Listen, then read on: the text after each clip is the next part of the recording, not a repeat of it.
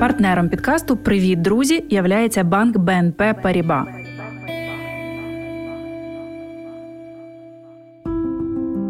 Добрий ранок, ми з України. Я Євгенія Мотрич, журналістка і редакторка українського телеканалу. А нині зі своїм семирічним сином вимушена переселенка. На власному досвіді знаю, як непросто опинитися в чужій країні і адаптуватися до нових умов. Тож відтепер шукаю і перевіряю для вас найголовніше для і про життя тут у Польщі.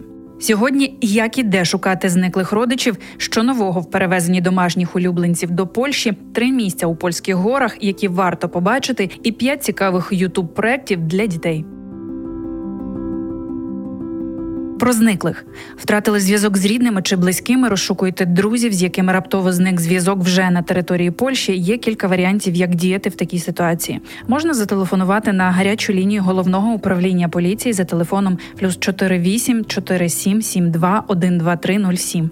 Також розшуком зниклих безвісти займається польський фонд Ітака. Фонд має базу даних на сайті zaginєli.pl. Волонтери фонду підкажуть, як самостійно шукати зниклих і чого очікувати отримувати від поліції. Також у фонді працюють психологи, соціальні працівники та юристи. Їм можна зателефонувати з понеділка по п'ятницю з 10 до 14 за телефоном плюс 48 22 6 54 7070. Окрім того, в пошуку рідних можуть допомогти в управлінні інформації та розвідки за телефоном 22 326 1264 або 22 326 1261. Ще один варіант пошуку Фейсбук групи, приміром СОС зниклі Україна або Помоць для України. Про тварин Польща спростила правила ввезення домашніх улюбленців з України. З липня для перетину кордону польські митники не вимагатимуть у вас довідку від ветеринара про стан здоров'я і результатів дослідження на антитіла до сказу. Натомість тварини мають мати щеплення від сказу, мікрочіп та дійсний європейський паспорт. Якщо ж ви плануєте їхати з тваринкою за межі Польщі, в безкоштовних ветеринарних пунктах для тварин біженців з України вам оформлять відповідні документи. Адреси пунктів можуть змінюватись, уточнюйте їх у волонтерів у вашому місті. Про гори. Якщо живете поряд чи маєте можливість поїхати з дітьми в невеличку мандрівку, крім моря чи відомих озер, туристичні довідники радять принагідно подивитися на мальовничі гірські маршрути. Хохоловська долина, західна частина найдовша і найбільша долина у польських татрах, займає площу понад 35 квадратних кілометрів, довжиною близько 10 кілометрів. З Закопаного до Хохловської долини є безліч автобусних маршрутів до Сивої поляни. Звідти до мальовничих пейзажів приблизно 3 години пішки в обидва боки роки. Також можна проїхати туристичним потягом, велосипедом або кінним екіпажем. Вхід в долину платний. Квиток коштує 5 злотих.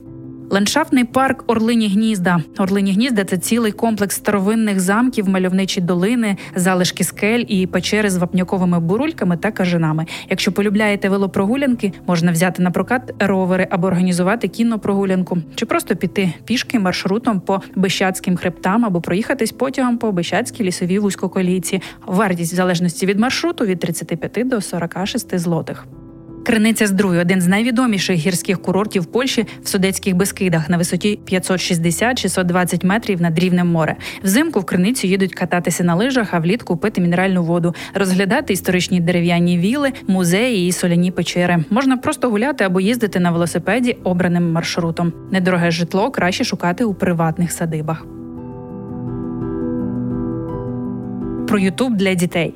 ЮНІСЕФ зробив підбірку нешкідливих ютуб каналів, які допоможуть зайняти ваших дітей корисним і цікавим контентом, а вам дати час на відпочинок чи роботу. Ми з сином обрали з цього списку, на наш погляд, сім найцікавіших. Украніма.ua – це колекція мультфільмів для дітей та дорослих. На каналі зібрані мультфільми студії «Київнаукфільм» та «Укранімафільм», починаючи з 1961 року. Серед них козаки, вій, Котигорошко, казка про білу крижинку і багато інших. Книга Мандрівка Україна це мультсеріал, дає відповідь на питання найбільш допитливих, як українцю розгадати писемність стародавньої цивілізації Мая, не виходячи з кабінету, чому ніколи не варто викликати на дуель Нобелівського лауреата. Hubble Trouble дуже цікавий канал про фізику та космос. Веде його десятирічний Богдан. Future Education – мультфільми для дітей про особисті фінанси. Тут вони знайдуть фінансові лайфхаки на кожен день. Enjoy the Science – канал із науково-популярним контентом про анатомію, мистецтво, психологію, латинську мову, українську історію, мову та літературу. На цьому все. Дякую, що слухаєте більше згодом. Слава Україні! Миру усім нам.